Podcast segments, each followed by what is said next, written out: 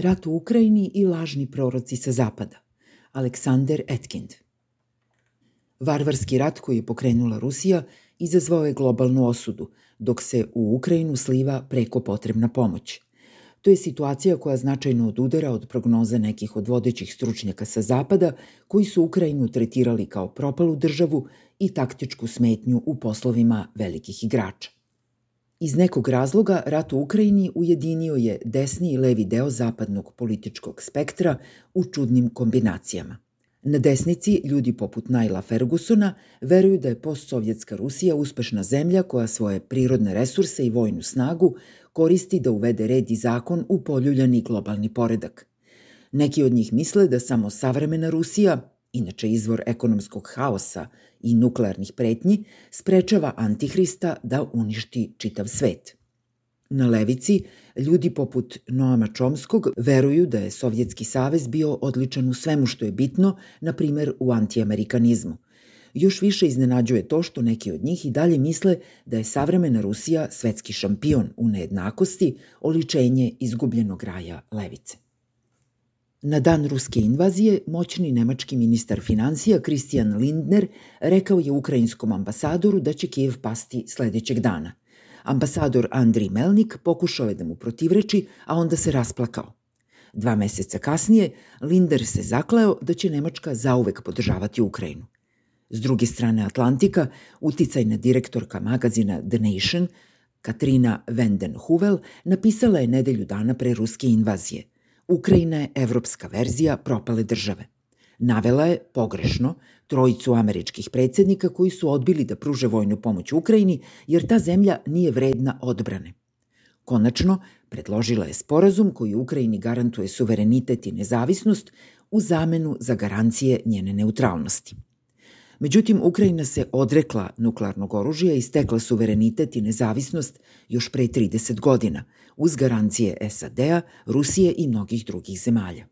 U svojoj inače dobro argumentovanoj knjizi iz 2021. Klimat – Rusija u doba klimatskih promena, profesor na Univerzitetu Georgetown Tain Gustafson zaključio je da će se energetska tranzicija u Rusiji odvijati u dve faze – Tokom 2020-ih globalna potražnja za energijom će i dalje biti velika kao i ruski izvoz.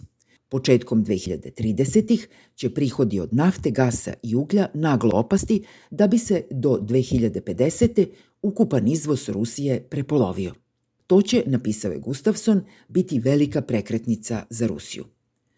Ono što je on prognozirao za 2050. dogodilo se 2022. ali u drugačijoj verziji. Uzroci su takođe potpuno različiti od onih koje on predvideo. Ratovi i revolucije ubrzavaju tok istorije. Predviđanja nisu isto što i tumačenja, kao što ni proroci nisu stručnjaci, ali rat se brzo razvija, pa se predviđanja ostvaruju ili ne, dovoljno brzo da ih ljudi zapamte i po njima procenjuju one koji su ih izneli. U januaru 2022. istoričar Niall Ferguson uporedio je Putina sa Petrom Velikim, osnivačem Ruskog carstva.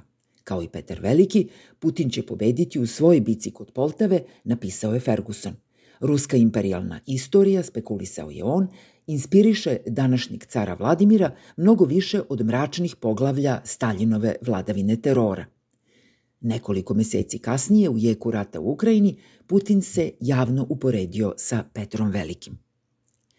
Ferguson je razumeo Putina, ali nije razumeo njegov rat. Negirajući ekonomske i demografske probleme Rusije i verujući u njenu laku pobedu, Ferguson je naveo da Ukrajina neće dobiti značajnu vojnu podršku Zapada. Putin će pobediti, a Ferguson će likovati – Nemojte se iznenaditi ako se Putinova sledeća parada pobede održi u Poltavi, napisao je neposredno pre početka ruske invazije na Ukrajinu. Fergusonovo raspoloženje se ubrzo promenilo. Ono što istoriju čini tako teškom za predviđanja, napisao je početkom marta, jeste to što većina katastrofa potiče iz levog polja. Veliko je pitanje da li potiče s leva ili s desna, ali on je tom prilikom obnovio svoju licencu za predviđanje toka istorije – Jezik kojim ljudi govore u hodnicima moći nije ekonomski ili politički, to je jezik istorije. Tako je predvideo da će Mariupolj pasti za nekoliko dana i da Bajdenova administracija neće podržati Ukrajinu, a pošto je većina ruskih vođa umrla prirodnom smrću, to će biti slučaj i sa Putinom.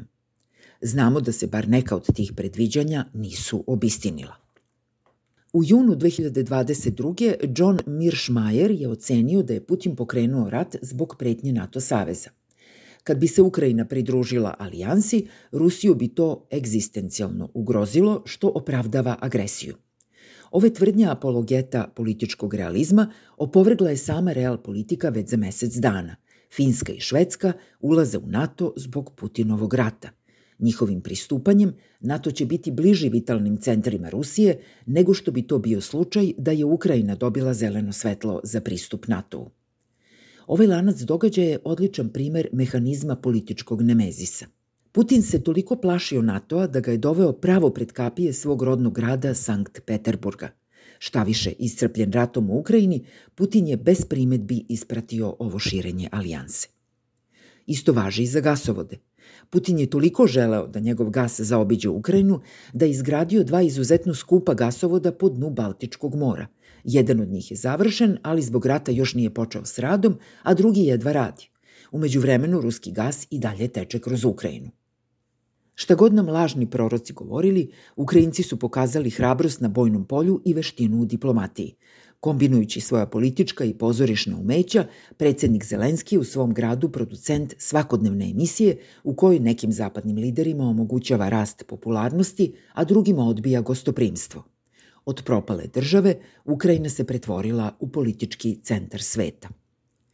Budućnost je poput Roršahovih mrlja mastila. Ljudi reaguju na neizvesnost tako što u nju projektuju svoje želje. Ni stručnjaci, ni proroci ne znaju šta budućnost nosi, ali oni koji se upuštaju u predviđanja pokazuju svoje pravo lice. Za stručnjake nema veće greške od pogrešnih predviđanja u doba rata, kada se razotkrivaju njihove neutemeljene smešne želje.